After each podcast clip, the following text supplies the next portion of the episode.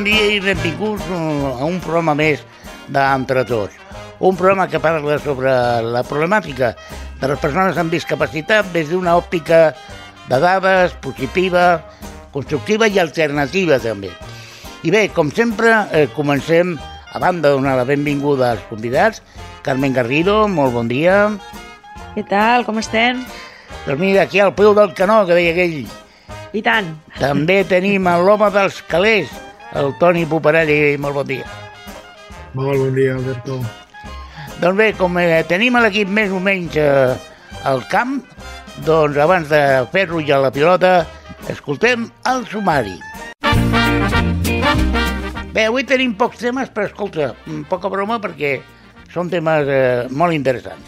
El primer tema que abordarem és una entrevista que vam fer a Montse Castro, tècnica en inclusió de la Universitat eh, de Girona, que ens parlarà de quins serveis, com ho fan, una entrevista molt, molt interessant que penso que hem d'escoltar amb atenció perquè molts ens obrirà els ulls, crec jo. I després també parlarem de, de l'economia, de l'economia en aquest cas, quants calés s'inverteixen a Espanya en el tema de la dependència? És veritat que Catalunya està en situació de precari eh, o no? D'això qui ens parlarà? Doncs el que més sap, que és el Toni Poparelli. És a dir, fem una ràfaga i escoltem la entrevista.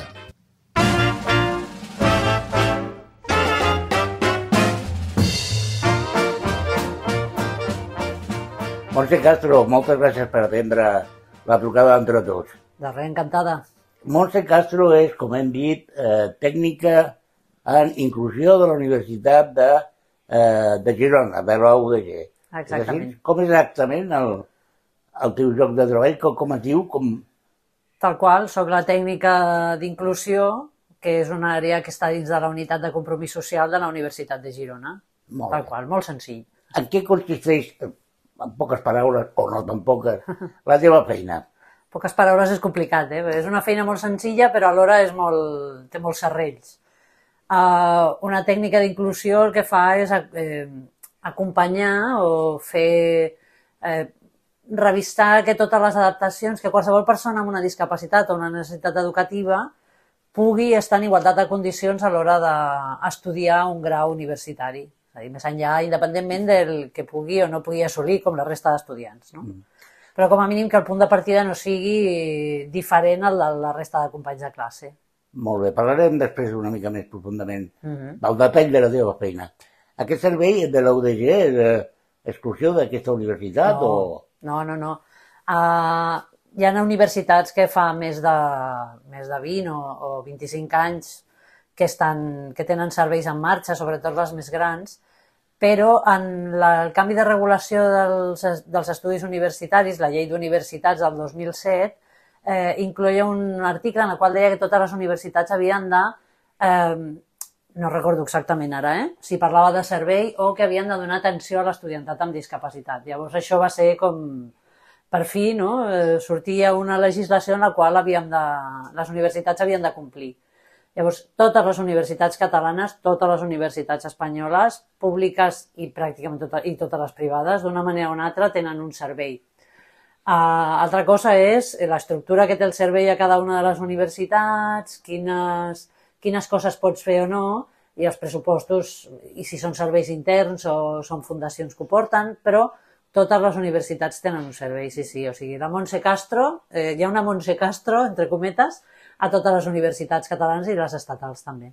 Hi ha algun protocol homogeni d'intervenció en el cas d'un estudiant amb discapacitat o, Hi ha o un- cadascú s'ho fa Sí, no. manera? Hi ha un modus operandi, podríem dir-ho així, un modus operandi molt similar a totes, no? que és una entrevista prèvia, eh, una necessitat de documentar, òbviament, com no se- pot ser d'una altra manera, eh, has de documentar, has d'acreditar què és el que tu, eh, o sigui, si tu me reclames a mi, no? tu que vas en cadira de rodes, poder no cal, no? perquè més o menys és evident. Però una persona que té un problema de sordesa o qualsevol altre tipus de problema no visible, i encara que sigui visible, sempre es demana una acreditació. Més que res per, perquè, clar, aquest servei cada cop s'està fent més extens, cada cop tenim més estudiants que el reclamen I, i és una cosa que se'ls diu a l'entrevista, no? que no és per desconfiança sobre ells, sinó per, precisament per, eh, perquè si jo dic a un professor aquest alumne té aquesta, aquesta adaptació, el professor ha de confiar en que jo ho he comprovat d'alguna manera. No? Llavors sempre és eh, l'entrevista, l'acreditació de, la, de la discapacitat o la necessitat educativa i a partir d'aquí es valora una entrevista que on es valora què necessiten i així. O sigui, un protocol escrit no hi és, eh, però sí que la sort que tenim és que tots a nivell, a nivell català som una família, tots els tècnics, perquè ens coneixem de fa moltíssims anys i llavors treballem moltíssim en xarxa. Eh, el WhatsApp ajuda molt també, no? Ei, com ho feu això? I llavors els 10 minuts sense tots els companys, bueno, totes les companyes i el company eh, donant-te respostes, no? I a nivell estatal igual. Tenim una xarxa que cada cop està més consolidada, que cada cop... In... I això, eh, a part de que no et fa sentir sol, com un bolet en l'universo, eh, també t'ajuda que allà on tu no has arribat perquè és la primera vegada que t'hi trobes, sempre hi ha algun company que s'ha trobat d'alguna manera o et dona alguna idea, no? Mm. Per tant, no hi ha un protocol escrit, però sí que hi ha una manera de fer que ja està com molt consolidada. Mm. Entenc que el, el, les característiques de la persona amb discapacitat que arriba a aquest servei és polièdrica, és a dir, pot ser de... I entenc jo, o penso, que la més fàcil de resoldre són aquelles que suposen barrera arquitectònica, que és una rampa, un... De vegades sí i de vegades no, perquè, per exemple, eh, barreres arquitectòniques, la UDG, eh, si no coneixeu Girona, jo us convido que vingueu perquè realment és una ciutat maquíssima. Eh, nosaltres tenim tres campus a Girona. El campus centre és el millor, és super accessible per tot arreu.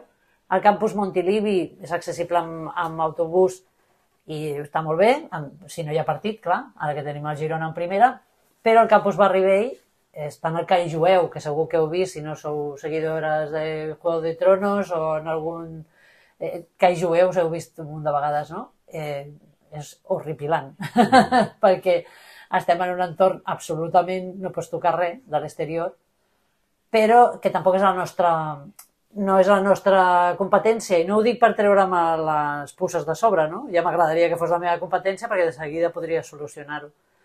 Però tot el que és barreres arquitectòniques de la porta cap a dins es fan mans i mànigues per poder solucionar-ho.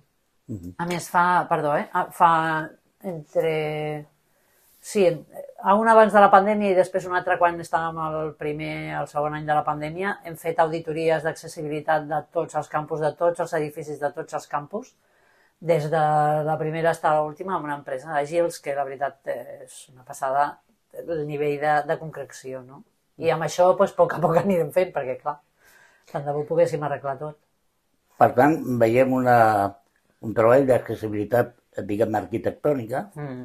però eh, m'imagino que no només no. hi ha persones amb discapacitat física eh, o orgànica que arriben, sinó també altres persones que tenen altres tipus de discapacitat que suposo que aquestes seran més complexes sí. de fet de donar aquest suport, no? Sí, són complexes perquè, clar, nosaltres estem parlant d'un gruix de... La comunitat de la UDG són uh, unes 18.000 persones. Eh, uns 15.000, 16.000 estudiants, i bueno, d'estudiantat, i després uns 2.000 professors i la resta personal d'administració i serveis. Llavors, eh, cadascú del seu pare a la seva mare el que deies tu al principi, no? que cada atenció és polièdrica, perquè cada persona que entra té la seva pròpia circumstància. Dues dislèxies, que ara serien com el, el, el sector estrella, no? el, el client estrella que tenim és eh, una persona amb dislèxia o TDA, i, i, però cada una és diferent, perquè hi ha una que porta 15 anys que li han diagnosticat i ha estat molt treballada, altra que no, altra que ho vol dir, altra que no vol que ningú sàpiga. Uh, o sigui, que a vegades no és només l'adaptació, que seria com una cosa A més B, C, sinó que és la circumstància de, l'alumne, la circumstància de l'estudi que fa, perquè no és el mateix una persona amb dislèxia a un estudi d'enginyeria que una persona amb dislèxia als estudis de grau de mestre, d'infantil o de primària. Un moment, eh, per tant, m'arriba arriba en aquesta entrevista, mm -hmm. suposo que prèviament hi ha una informació, eh, diguem accessible mm. Eh, per al futur estudiant universitari, mm. arriba aquesta entrevista, mm. i em diu, escolta, mira, vull estudiar una enginyeria i, i tinc dislèxia. Aleshores, mm. quin és el procés, diguem-ne, per entendre què, què és el que feu exactament? Mira, una de les coses que tenim en compte sempre és que la persona que arriba, com a mínim té 17 anys a punt de fer 18, o 18 anys, això com a mínim. Això vol dir que al llarg de la seva vida, si no és una causa sobrevinguda o una dislèxia diagnosticada molt al final, la persona sap perfectament quins són els seus problemes. Llavors jo no m'invento res. El primer que pregunto és, vale, què necessites? O què t'han fet fins ara? O, eh, no? Perquè és absurd que jo a tu te faci una recepta, per dir-ho d'alguna manera, que no no és el que fem, eh? Quan tu saps millor que ningú, eh, bueno, doncs, perquè jo te veig i te veig ara, però no t'he vist aquests anys enrere. Llavors, mm, el primer que fem és preguntar què necessites. Quines són les teves dificultats quan estàs a classe, quan estàs Llavors la persona et va dient i a partir d'aquí tu vas veient i hi ha coses que pots i coses que no. Perdona, entenc que aquest diàleg és eh, eh, universitat eh, estudiant. No hi ha cap intermediari, és a dir, no interven el traumatòleg o el pedagog o, o el no, psicòleg que té, que té el que, Per exemple, en el cas de les persones que venen amb un trastorn de l'espectre autista o venen amb algun trastorn mental, en aquests casos sí que de vegades Uh, primer perquè Girona és molt petit i tenim una associació gran, no? Però... però Perdona, però... Què vol dir que teniu? Perdó, eh? Sí, no, clar. Eh, per exemple, a Girona hi ha la, la SAGI, que és l'Associació de Síndrome d'Asperger, no? que ara mm. suposadament el DSM-4 no existeix, però les persones continuen tenint-lo, no? bueno, o, sent, o sent Asperger. Llavors, moltes d'elles són tractades en aquesta associació i el contacte és molt directe hi ha gent a la universitat que, està, que estan involucrades en aquesta, en aquesta associació. No? Em referia que és molt més fàcil a vegades en una, en una universitat d'una ciutat relativament petita que no en una Barcelona que té moltíssims habitants i moltíssimes casuístiques. No? Però eh, sí que sobretot en els casos de trastorn eh, mental o eh, bueno, de qualsevol casuística, perquè tenim de totes, molt en auge en els últims anys, o en això, no? en trastorn de l'espectre autista. En aquests casos sí que és més habitual eh, que de vegades hi hagi un contacte amb la persona de suport que tenen a fora. Uh. -huh. En el resta de casos, nosaltres sempre parlem amb la persona. Eh, no parlem, òbviament, jo m'agranjeo sempre a la primera entrevista que venen amb els pares, el primer que els hi dic, i a més amb una cara un poco no massa bona, perquè cal marcar, és que els seus fills i filles són majors d'edat, en el 99% per cas, eh, per cent dels casos, i que qui anirà a la universitat sempre pregunto, ah, però qui serà l'alumne? Llavors, ah, mm, perquè bueno, sí que és una tendència molt a venir amb els papers a la mà, acompanyar la criatura. No, és que jo sí que sé què li passa i sé el que necessita, no? Dius, bueno, però... Clar, la seva feina quan eh, es tracta de, de parlar o d'entrevistar-se mm. amb un usuari de la discapacitat, és relativament senzilla, tant en quant tenia un catàleg, suposo, entre cometes el catàleg, de, de recursos. Mm. Però clar, eh, hi ha un aspecte d'aquí de la teva feina que penso que és molt complexa. Mm. És l'altra banda de, de l'aula, que és els professors, no? Mm, sí. Com encaixen els professors? Eh, home, una cadira de rodes, suposo, que no molestarà ningú, però una persona amb un síndrome autista, eh, bueno, com, com també... encaixa? Com treballeu? a l'altra banda de, de l'aula. A veure, òbviament el que et deia, no? Som una població que, tot i que sigui una universitat mitjana, eh, bueno, doncs hi ha 3.000 professors, no? Poder, membres del professorat. Tu deies té 3.000 eh, professors? Uh, aproximadament, 2.000 i escaig, no? Uh -huh.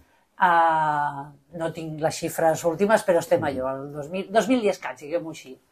Eh, hi ha de tot també és cert que ha canviat moltíssim des de l'any 2008, que va ser quan s'implementa a la Universitat de Girona, no? i el 2009 ja s'aprova el primer pla d'inclusió, ara, no? que estem entrant al 2023, el canvi és brutal. O sigui, de començar tu com un, com un hola, sóc la Montse Castro, això és una cosa nova que es fa a la universitat, no? Com? Què? Eh? No? I trobar-te professorat que et deia al tanto no fem un efecte crida quan tenies un estudiant amb cadira de rodes, eh? que, que tant de bo tots anessin en cadira de rodes perquè seria molt senzill, la gent ja ho té com molt... Um, ara, no? que ara són els professors que deriven a l'estudiant, que són els professors que molt sovint ja te, te contacten. Al tanto, això no vol dir que tot el professorat faci les adaptacions que se li recomanen, però per moltes casuístiques, eh? en tenim de tot. Professorat que està en contra i opinen que, no? que per què, ah, eh, el professorat que ve unes hores i no, per molt que nosaltres anem informant, no sap on ha d'anar a buscar l'adaptació, professorat que no sap que es fan adaptacions, però sí que la major part eh, rema a favor, no?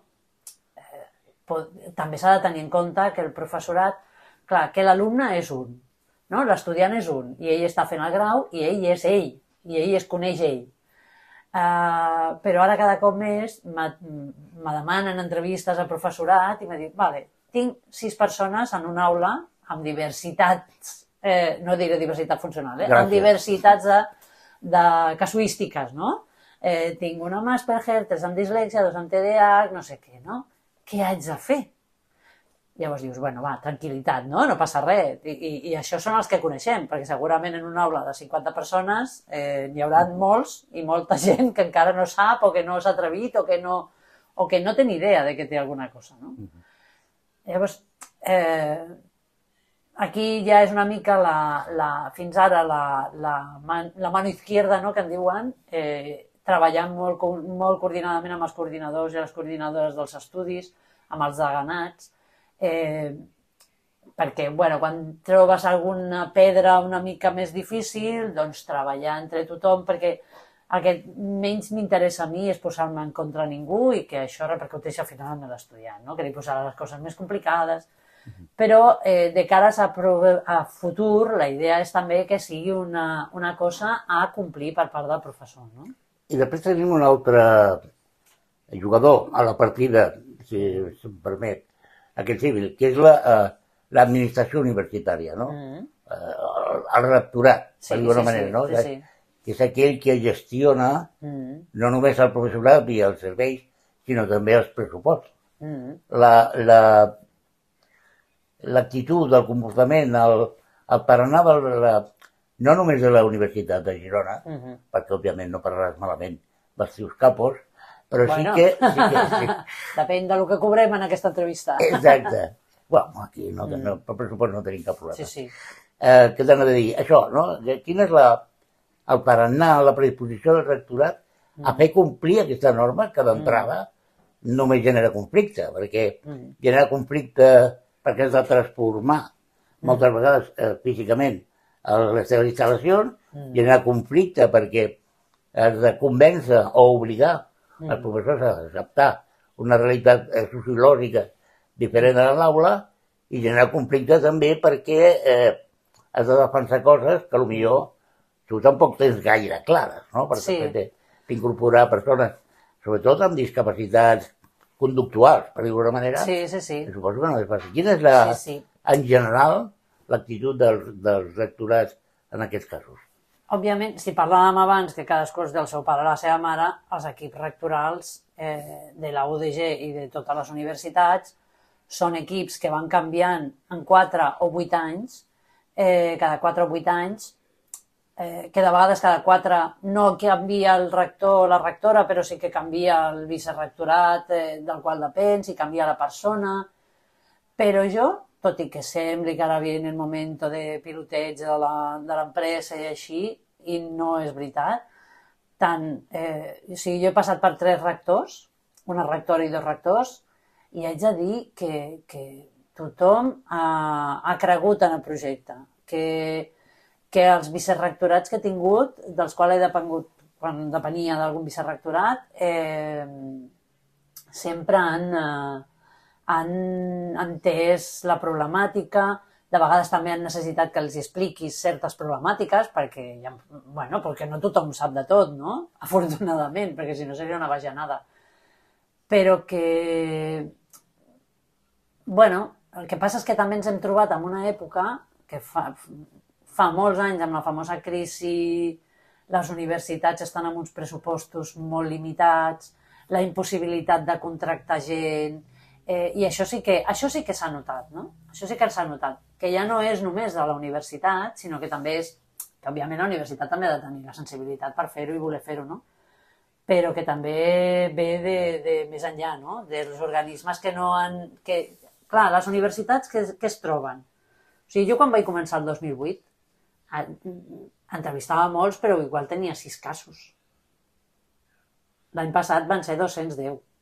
210. Casos en els quals jo he hagut d'intervenir i fer un informe, eh? perquè uh -huh. de persones amb discapacitat amb certificat en tenim, de persones sense certificat però que té alguna necessitat Clar, també. perdona, perquè imagino que una persona avui en cadira de rodes que arriba a la universitat no cal, eh, si només necessita poder accedir a l'aula, als banys i al servei, i ja això ja està arreglat, suposo sí, sí. que no cal... Eh...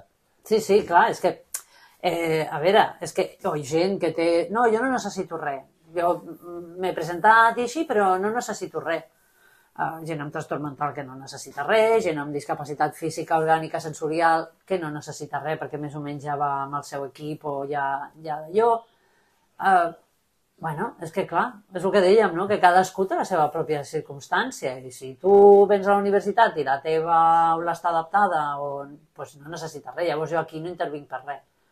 Però que el creixement en nombre de casos és espectacular eh, les casuístiques i sobretot després de la pandèmia, nosaltres treballem amb, un, amb una franja d'edat a la qual la pandèmia l'ha devastat. O bé perquè estaven en l'institut i ara estan arribant a la universitat, o bé perquè estaven a la universitat. Els ha devastat i s'ha notat moltíssim l'augment de, amb trastorn mental més o menys greu. També tenim una franja d'edat en la qual comencen a aparèixer les primeres, les primeres sintomatologies, no? a, a, a aflorar les malalties. No? Llavors hi ha molts que venen situacions que estudiaven, van haver d'aturar perquè van tenir la primera sintomatologia i després han tornat no? a la universitat. Gent que es descompensa estan a la universitat perquè l'estrès és molt gran, això a vegades costa molt que entenguin, no? que, que... perquè de vegades ja, ja... que parlaven dels externs, no? i a vegades hi ha metges que recomanen anar a la universitat per socialitzar. Clar, dius que sí, que molt bé, que no, cap problema. I mhm. nosaltres, però nosaltres sí, jo sí que adverteixo sempre que la universitat és un factor estressant molt gran, mhm. -huh. perquè implica un treball, perquè implica una feina, perquè implica... I això la persona també ha de ser conscient. O sigui, jo no... Eh, és que la, és molt delicat, no? Perquè hi ha una franja molt fina en la qual sembla que diguis, no, és que aquí no volem gent que, no, que ens pugui distorsionar, no? I que no entenguin que els estàs advertint, perquè jo no puc prohibir-li a ningú, afortunadament, jo no puc prohibir ni puc decidir qui estudia i qui no estudia. Qualsevol persona que es matricula, complint els mínims, ja està. I nosaltres acceptem i tirem com podem. Però sí que informem a la persona de què es trobarà. Si una persona amb dislèxia molt greu ve a fer estudis de mestre, Vull dir, jo li haig de dir que els mestres surten tots igual de la universitat. Llavors, qualsevol persona que surt com el títol de mestre de la Universitat de Girona ha de tenir les competències. Una de les competències és l'ensenyament i l'aprenentatge de la llengua oral i escrita. I ha d'entendre que això és difícil d'adaptar quan tens una dislèxia. Uh mhm. -huh. Si la persona ho sap i és capaç de tirar endavant amb aquesta advertència, escolta, endavant les atxes, si tenim gent amb dislèxia que s'ha graduat, no? I, no, i no passa res. Uh -huh Eh, però bueno, que, que cada casuística... Parlant d'estrès. Parlem d'estrès. Eh... De l'estrès d'aquí. vostre, suposo, del, del vostre equip. A veure, imagino que, que tot aquest servei té un cost. Mm -hmm. Al marge del personal, mm -hmm. té un cost eh, a vegades estructural, mm -hmm. a vegades no, però a vegades sí. No? Mm -hmm. eh, quin pressupost, o millor dit d'una altra manera, Quin és l'abordatge pressupostari que fa la universitat uh -huh. davant d'aquest projecte? Uh -huh. Té un percentatge destinat eh, uh -huh. en funció dels casos? Uh -huh. Com funciona a nivell pressupostari eh, la universitat en el cas de la veu, sí, sí, de sí, sí, perquè la resta no, la resta no la conec ni Exacte. ganes, eh, perquè ja em costa Que suposo que quan ajunteu els, els sí. tècnics, el primer que parleu, m'han retallat tal, m'han retallat o sigui, quart, no? La sort, per això te parlava de família, no? de la família catalana la família de nivell d'estat, perquè, perquè quan te trobes el primer que fas és... L'altre dia ens trobàvem després de molt de temps i dèiem, no, hòstia, és que aquestes estones de, de teràpia de grup, que ningú més sap de lo que li estàs parlant, eh, ajuden molt, no? Uh -huh. uh, o sigui que per aquesta banda, a nivell, a nivell emocional, ens cuidem els uns als altres. Eh, a nivell pressupostari, a la UDG, que és de lo que jo conec, ha canviat molt també. Perquè quan jo vaig arribar, primer era un encàrrec de la rectora, no? unes hores, després ja es, va, ja es va començar a fer un encàrrec més seriós, i ara, des de fa, des del 2017, afortunadament nosaltres ja treballem, jo ja estic integrada perquè jo estava sola, eh, i ara estic integrada, i a més a mitja jornada, i ara estic integrada en un grup que és la unitat de compromís social, que això sembla que no tingui a veure, però és molt important. Per què? Perquè la unitat de compromís social gestiona, que és una cosa que no tenen la resta d'universitats i que ens agrada molt eh, dir-ho en veu alta perquè és molt important. Tot el, el 0,7 de tot el que ingressa a la universitat, de recerques, d'ajuts i així, va destinat a aquesta unitat de compromís social. A veure, en un principi estava adreçat a, a, a bàsicament, el gruix d'aquests diners està adreçat a la, a la cooperació, no?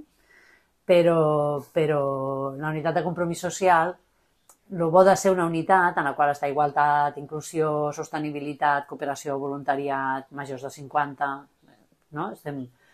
És que eh, clar, la nostra cap, la Sílvia Lloberes, també pot fer una mica de trasbàs. Una... Sempre hi ha unitats que un any necessiten més un altre any necessiten menys, no? Llavors, amb això funcionem una mica. Jo sí que tinc un pressupost... bueno, jo, jo no. Igual, Inclusió té un pressupost assignat, crec que està en uns 7.000, 8.000 euros, però després hi ha ajuts que arriba, un IDISCAT, que és un ajut que arriba de, de la Generalitat de Catalunya, no? de, de l'ACU, ai, del, perdó, de, de, de la GAUR, que és el sistema de beques i d'ajuts català, eh, que bueno, és important, no? nosaltres podem demanar uns diners. Ara això està una mica en revisió, perquè amb els canvis no? també això contempla alguna revisió, però bueno, tenim els... I, i que quan ha fet falta, la, la, per exemple, les auditories que et comentava abans, no? les auditories han superat el meu pressupost, però vamos, o sigui, l'han doblat cada auditoria, perquè implica unes persones que han vingut 5, 6, 7 hores a revisar, o sigui, no, no, el nivell d'auditoria ha estat bestial, perquè quan necessites un assistent personal, no, que ara tenim un cas, que això ara s'ha de debatre també. Nosaltres mirem de donar el màxim sempre que podem, però no tenim recursos il·limitats. I no és el mateix quan tens un estudiant i quan tens dos estudiants amb dues característiques diferents, necessites això, necessites allò. Llavors això també s'ha de contemplar i s'ha de fer arribar a la, a la persona, no? que tu intentes implementar, però que òbviament al final has d'acabar regulant per això, perquè el pressupost no és il·limitat. I perquè, mm, per exemple, un altre cas, no? eh, s'havia de fer una, una obra, en un, nosaltres tenim una capella, per exemple, a veure, m'explico. La UDG, al campus de Barri Vell, eh, una facultat està en un antic seminari i l'altra facultat està al, en el que va ser un, un convent. És un edifici magnífic que convido, si plau que aneu a visitar. Els claustres que tenen són brutals. Eh, L'aula magna de la UDG és una antiga església, és l'església de Sant Domènec, no? O sigui, és brutal. Com a espai és impressionant, perquè entres allà i ja, ta, ta, no? ja, ja sents l'emoció de les pedres i de la història però són els edificis menys accessibles.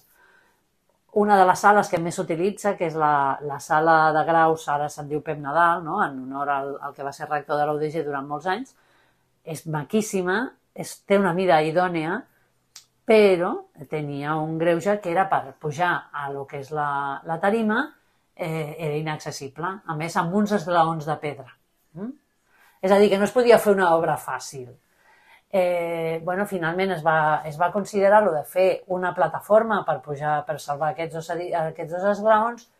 L'empresa, eh, i aquí s'ha de dir, no?, el que deies, la implicació, el vicerrector de campus, que és el que s'encarrega de les obres i amb el qual tenim línia directa, òbviament, eh, quan va veure el tipus d'intervenció que es feia i el tipus d'intervenció que es podia fer per l'empresa, va dir, no, no, aquí no podem posar un nyap vale? que està molt bé, s'ha de fer accessible, però aquest espai demana també i s'ha fet una plataforma que surt del terra, que està integrada totalment en el terra, que si no es necessita, no és visible, però que si es necessita està allà.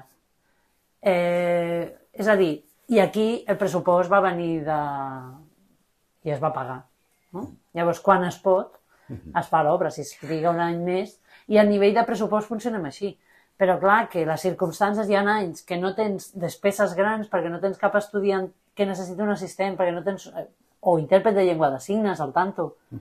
Eh, clar, però si te coincideixen dos, el pressupost, o sigui, a mi amb un estudiant amb assistent personal se me va el pressupost.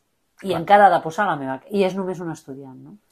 Que això també s'ha de tenir en compte. Que Montse. tenim recursos il·limitats. Potser ja per anar, per anar acabant, perquè, Sí, perquè- ha estat una conversa molt interessant, segurament eh, tard o d'hora tornarem aquí a veure per Encantadíssima parlar la de temes i aspectes, perquè un dels objectius dels tres Mm. que té la nostra entitat entre tots Mhm. per a l'any 23, òbviament és parlar molt, molt, molt d'accessibilitat, Sí. et toca directament, d'escola inclusiva, Ahà. jo crec que és un exemple claríssim, i d'assistent personal o assistència personal, Mhm. que creiem que és l'opció. Per tant, segurament et tornarem, segur, tornarem a parlar amb tu d'aquests temes. Eh, ja per acabar, eh, evidentment la UDG fa una feina d'inclusió, Mhm. eh, tu deies ara la solució tècnica que s'ha posat en, en, en terme no? per, a, per, a, per a aquesta història i, eh, òbviament, això implica una ajuda, una ajuda tècnica i una disposició eh, d'instruments i, de, i de mecanismes que s'han de conèixer i també una interactuació amb les entitats, o abans parlaves d'una, Mhm. de, de locals o de l'entorn, no? Quina és la relació que té la UDG, la UDG suposo que a través del, del teu departament, amb les entitats Mhm. que representen persones amb discapacitat? Són molt importants, o sigui, de fet, quan, quan vaig començar el 2008, eh, jo personalitzo perquè el, inclusió, que llavors era el programa de suport a persones amb discapacitat, va començar amb mi, no? tot i que havia hagut professorat que havia fet intervencions sobre l'estudiantat, eh? però bueno, quan comença ja d'una manera més oficial, eh, el primer que vaig fer va ser intentar contactar amb totes les entitats de Girona. Uh, especialment amb, especialment nosaltres treballem amb tres molt, molt properament, eh? però amb qualsevol que s'apropa, òbviament, es parla. Que és amb MIFAS, que és l'entitat que porta tot el tema de persones amb discapacitat física de Girona, eh, amb, amb SAGI, que et comentava abans, no? que són els que treballarien més amb persones amb síndrome d'Asperger o amb autisme, i la tercera és una que també ens interessa molt, que és Multisignes, perquè Multisignes és una, és una empresa, no deixa de ser una empresa, però que està molt relacionada amb les entitats que fa tot el tema d'accessibilitat per persones amb problemes auditius. No? I ara, últimament, ha aparegut una quarta, que, que estem molt contents perquè jo m'he tirat molts anys intentant aconseguir que es fes una associació, que és una associació que és externa però interna. És a dir, és una associació, perquè això es pot fer, es pot donar en l'àmbit universitari. Una, un, es va iniciar l'ODG, però ara és externa a tota, a tota Girona, que és multicapacitats. Home, que crec que us coneixeu a bastament. multicapacitats tenim el, Eh, o sigui- Ricard Padró, company i amic Exacte. de la casa i és una entitat agermanada amb nosaltres Exacte, entre tots per i això. que treballem plegats. Sí. Ho sé, ho sé, no? Perquè hi ha multicapacitats, eh, l'Isaac, que és un estudiant de la Eh, no cal que us digui com és perquè el coneixeu, o sigui, per tant, no cal que us li doni la píldora més de lo necessari, perquè al final tindrem un problema amb aquest noi, s'ho creurà massa, no, però és veritat. Que clar, també ens dona una perspectiva des de dins de la universitat, i això també ens ajuda molt. Però, per exemple, el tema de l'assistència personal que estem fent ara, ho fem mitjançant... O sigui, nosaltres durant molts anys ho hem fet amb estudiantat, no? Ara tenim un problema per fer beques, perquè, a veure, per què amb estudiantat? Per, eh, Perdona, Montse, sí. aquest tema és tan interessant sí, que ho treballarem un que altre dia. proposo sí, que parlem sí, d'un altre dia Vale, perfecte, de l'assistent personal. perfecte, perfecte. Montse Castro, Mhm. tècnica d'inclusió de la UDG, moltíssimes gràcies eh, per atendre la trucada d'entre tots. Mhm. Eh, te amenazamos de que et tornarem a parlar amb tu. Cap problema. I ha estat un plaer, eh, Mm. no només la teva entrevista, sinó també la teva feina i saber Mm. que potser no estem tan lluny de l'educació inclusiva. Queda molt per fer, no ens emocionem, però sí que és cert, perquè anem cap al disseny universal de la- de la- de l'aprenentatge, no? que aquest és- el nostre somni, és la nostra, el nostre camino de baldosas doradas, nuestro, nuestro reino de Oz, pero, pero bueno, que no, que no estamos tan mal, ¿no? que decía aquell. Doncs eh, potser socis com la Joana mm. tenen la possibilitat també d'anar-hi a la universitat. Gràcies als serveis dels que, mm. dels que poden oferir, com per exemple la l'Odeja. Moltíssimes gràcies, Montse. Encantada, quan vulgueu ja sabeu on som.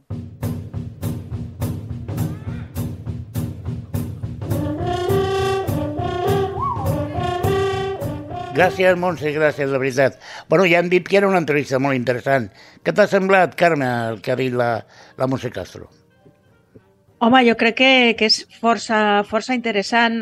Nosaltres que som canyeros i que reivindiquem molt i sempre eh, en parlem de les mancances, també també hem d'explicar explicar eh, els, els avantatges, els avanços que s'han fet i, i aquelles col·laboracions, aquelles eh, millores de les que el col·lectiu de persones amb discapacitat ens podem aprofitar.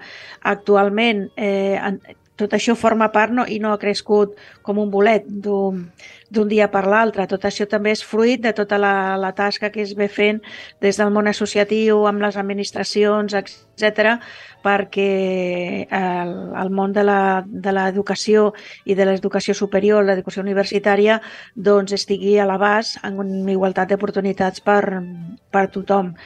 Però fixa't, Alberto, que, que hi ha diferències, eh? perquè si parlem del nivell educatiu i quina és la clau per la inclusió social, ens trobem diferències entre persones amb discapacitat i sense. Per exemple, eh, joves que, eh, que deixen de manera precoç als estudis universitaris. Eh? Estem parlant d'estudis de, eh, superiors. Doncs eh, les persones amb discapacitat és un 43% enfront d'un 25% de persones que no tenen una discapacitat. Aleshores, és, és un tant per cent, una diferència mm, molt important. A veure, és a dir, que el 40% de les persones amb discapacitat... 43. 43 no acaba els sí. estudis universitaris. Mentre Correcte. que eh, amb la població no discapacitada estaríem parlant d'un 20 i tants per cent. D'un 25, correcte. Molt bé. Sí, sí. És una diferència bastant important. Aquí hauríem de veure per què eh, hi ha aquesta, aquesta marxa enrere per part del col·lectiu. Eh, penso que, com que les estadístiques no estan tan al dia com l'entrevista que hem fet, penso que eh, això crec que en els últims anys ha pogut millorar, però tot i així eh, encara tenim una franja diferencial. Eh, persones que experimenten eh, barreres en l'accés a l'educació barreres, no, entenem, no, no només de barreres arquitectòniques, sinó barreres de qualsevol tipus, eh, és un 70% enfront d'un 50% amb les persones sense discapacitat. D'acord? Uh -huh. Aquí, clar, aquí hem de tenir en compte que la, la discapacitat és el que diem sempre, és molt diversa, no és el mateix una persona eh, amb una discapacitat física que va en cadira com tu i jo, eh, amb una persona pues, que amb un espectre autista o amb un altre tipus de, de discapacitat eh, que pot representar el suport eh, més, mm, més complicat d'aconseguir. No? Com molt bé ha explicat la Montse, fins i tot eh, hi ha persones que aconsegueixen tenir un assistent personal a la universitat. Això fa uns anys era impensable i gràcies a això eh, poden eh, acabar i graduar-se amb la seva carrera. Mm. Això és molt important. Jo crec que, que hem d'explicar les diferències però està molt bé que se senti l'entrevista i que se, se, se tinguin en compte aquestes i que estem parlant de totes les universitats públiques, eh, aquestes, aquests suports que, que troben. No? Després, persones que, que sí acaben la formació i que, i que arriben amb una llicenciatura, doncs és el 15%, enfront del 30% de les persones que no tenen una discapacitat. Cal dir que també en totes aquestes estadístiques les dones amb discapacitat sempre estem un 4% menys que no les, les dones que no tenen un tipus de discapacitat. bueno, són xifres que, que ens donen que pensar i que ens donen eh, per, per continuar treballant en aquesta línia, no? però està molt bé que també expliquem que, que el que vulgui estudiar doncs, eh, realment té, té on poder eh, agafar-se i, i possibilitats n'hi han. Per tant, motivar. El que passa dintre de l'escola inclusiva, i altres vegades ho hem parlat, Alberto, és que estem lluitant molt per aquest eh, decret que tenim a Catalunya d'expansió de, de l'escola inclusiva. S'està treballant molt, sobretot en primària, però queda la fase de secundària que hi ha escoles eh, inclusives a Catalunya que fan una molt bona tasca, no arriben al 100% perquè els hi manquen recursos i les que no són inclusives és perquè no tenen els recursos necessaris per part del govern de la Generalitat. Per tant, això ho tornarem a reivindicar i a dir les vegades que faci falta. Eh, I no és per manca de diners, eh? després en parlarem. Eh, però la secundària és encara una, una nota pendent que, que queda, no? tant si és formació professional com si és batxillerat, etc. és un tema que, que queda pendent per la, pel col·lectiu de les persones amb discapacitat. Sí que és veritat que hi ha hagut una evolució històrica de les persones sí. amb discapacitat amb la relació amb els estudis, no? I que amb la mm. nostra generació, el, el gran nombre de persones amb discapacitat ho tenien força complicat per arribar al món educatiu i d'aquí venen els percentatges tan baixos de persones amb discapacitat que hagin acabat els estudis eh, superiors. No? És veritat Correcte. que aquesta realitat està canviant, afortunadament, i que s'han sí. incorporat a la, al món educatiu no només persones amb discapacitat física, com deies tu, Carme, sinó d'altre col·lectiu. Sí que és veritat que s'han donat eh, coses eh, eh, jo penso que a vegades tractem de matar les mosques a canyonazos, no? que es diu, perquè, per exemple, el fet de que la matrícula de les persones amb certificat de discapacitat sigui gairebé gratuïta a totes les universitats eh, públiques, doncs a mi personalment, eh, tot i que podria semblar una mesura extraordinària, no em sembla mm. bé. No em sembla bé que per al fet de ser eh, o tenir discapacitat eh, no hagis de pagar la matrícula. Altra cosa és i d'aquí ve la importància de la feina que va la Ponce, que la persona amb discapacitat, sigui quin sigui, tingui l'opció de participar-hi de ple dret i en plenes condicions de l'activitat educativa, que aquest és un altre sí. tema. I si realment... I que, i... Perdó, perdó, acaba, acaba. No, deia que, i si realment la persona ja no tingui o no tingui discapacitat, no pot pagar-se els estudis, han d'intervenir i participar-hi doncs, els, les beques i els, i els, els assestaments per donar suport econòmic a aquesta, a aquesta qüestió. Sí, jo, jo penso com tu, que el, el cost de la carrera, com qualsevol altre estudiant, estem parlant d'igualtat d'oportunitats, també aquí ha d'haver-hi una igualtat d'oportunitats i la persona que té una discapacitat, però econòmicament, que també n'hi ha, s'ho poden permetre, doncs que, que ho faci. Una altra cosa és el suport eh, addicional que aquesta persona necessita dintre la universitat. Això sí que és un recurs que estic d'acord que l'ha de posar la universitat.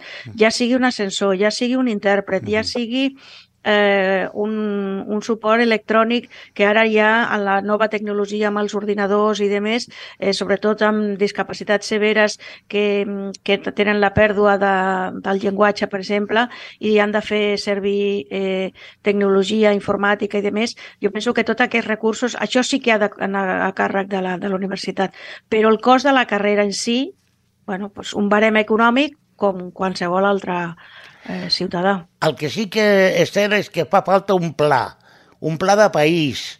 I quan parlo de país mm -hmm. no em refereixo només a, a Catalunya, parlo en general.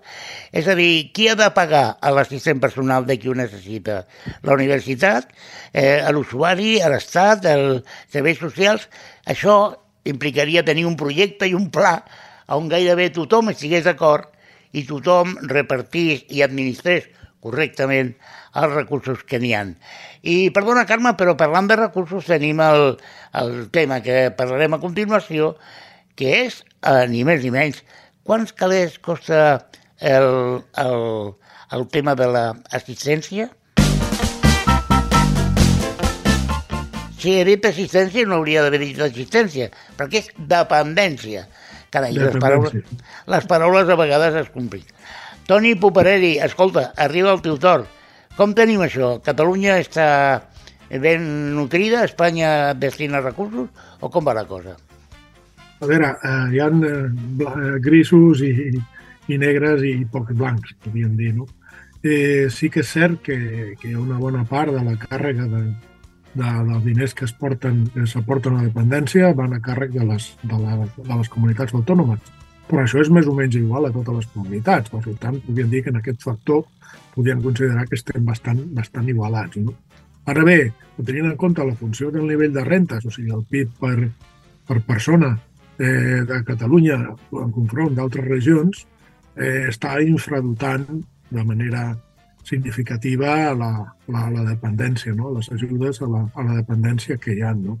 Eh, amb un estudi recent que agafa informació completa de l'any 19, 20, 21 i algunes del 22, 2022, per exemple, hi ha una taula per comunitats autònomes eh, ja per, per, pensant de, la, de les persones que tenen dret i de les que estan rebent prestacions, perquè també el primer és important és dir quantes persones o quin percentatge de la població tenen dret a la, a la, a la dependència, l'ajuda a la dependència i quants estan rebent, no?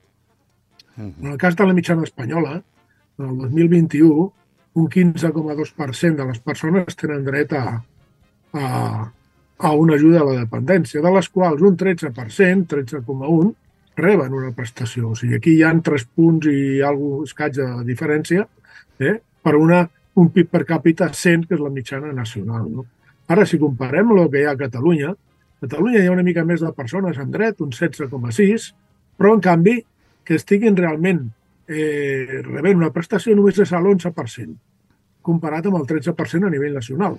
Vol dir que eh, tenim un percentatge més baix de persones que estan rebent una, una, una prestació, a part dels diners que puguin destinar a nivell global, però realment el, el número de persones al nivell, l'univers, sempre estem parlant de persones amb més de 65 anys o més.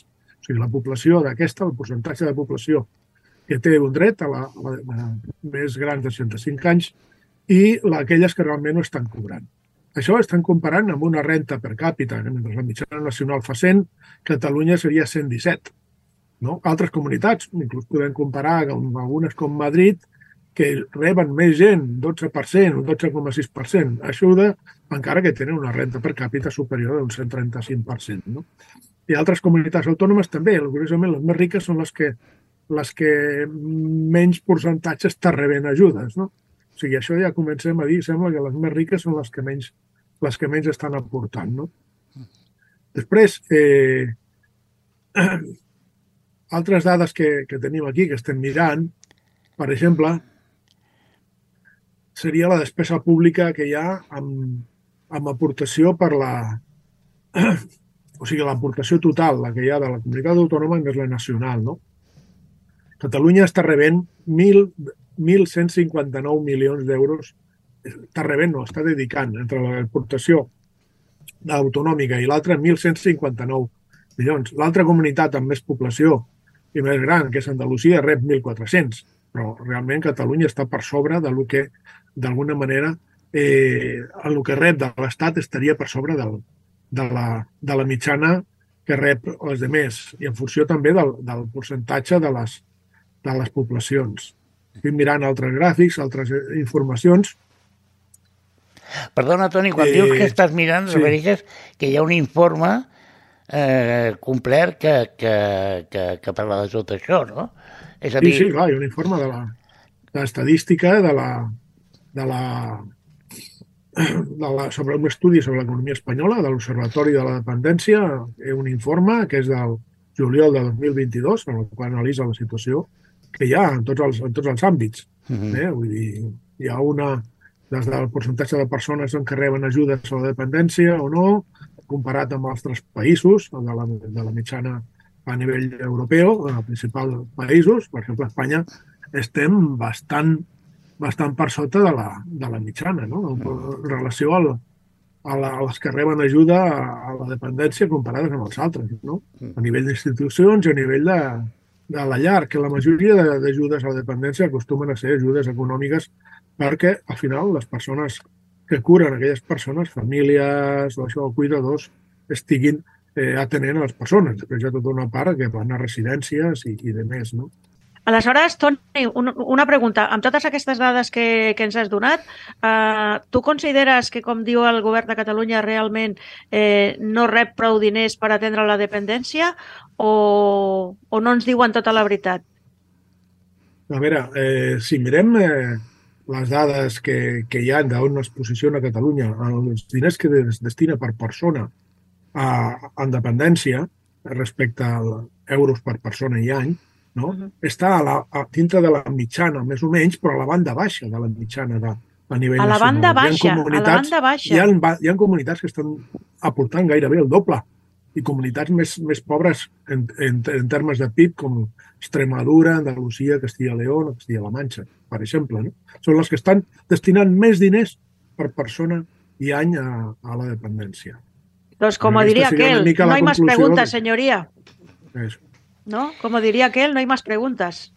Es que está claro. Eh, Faig un riure per no plorar, eh? perquè a vegades Ja, ja.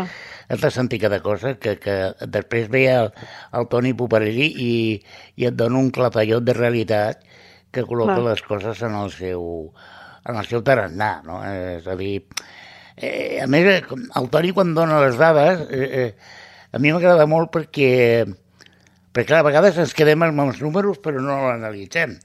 Sí. Perquè a tu, Toni, quina sensació et don a tot això de, de, dels diners que es dediquen a dependència?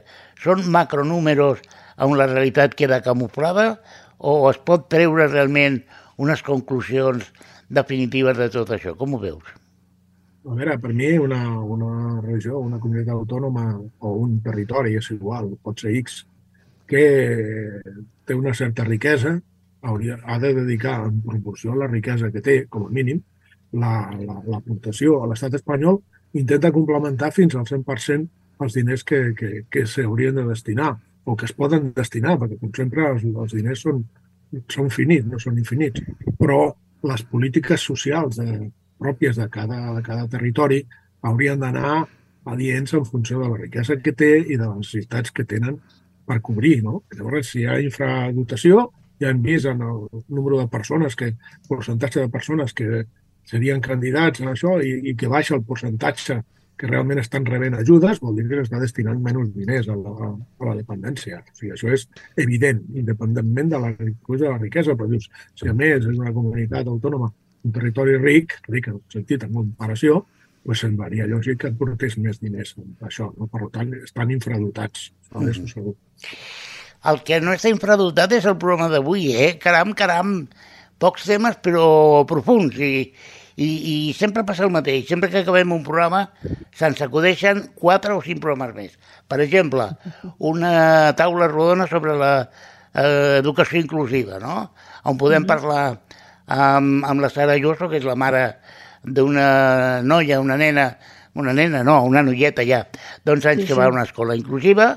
Se m'acudeix també que podríem convidar en aquesta taula a la Montse Castro que ens parlés i amb la comparativa amb la, amb la universitat, eh, algú que parlés de l'educació secundària, això seria un tema molt interessant.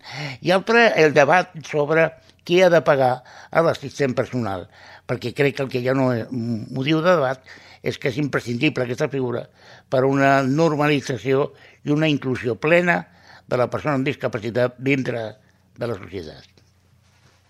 Si escoltem la Convenció de Nacions Unides dels Drets de les Persones amb Discapacitat i la Llei General dels Drets de les Persones amb Discapacitat a l'estat espanyol, que és la 1 barra 2003, que, que també la coneixem, doncs és l'administració qui ha de posar el suport necessari a cada persona perquè pugui viure amb igualtat d'oportunitats.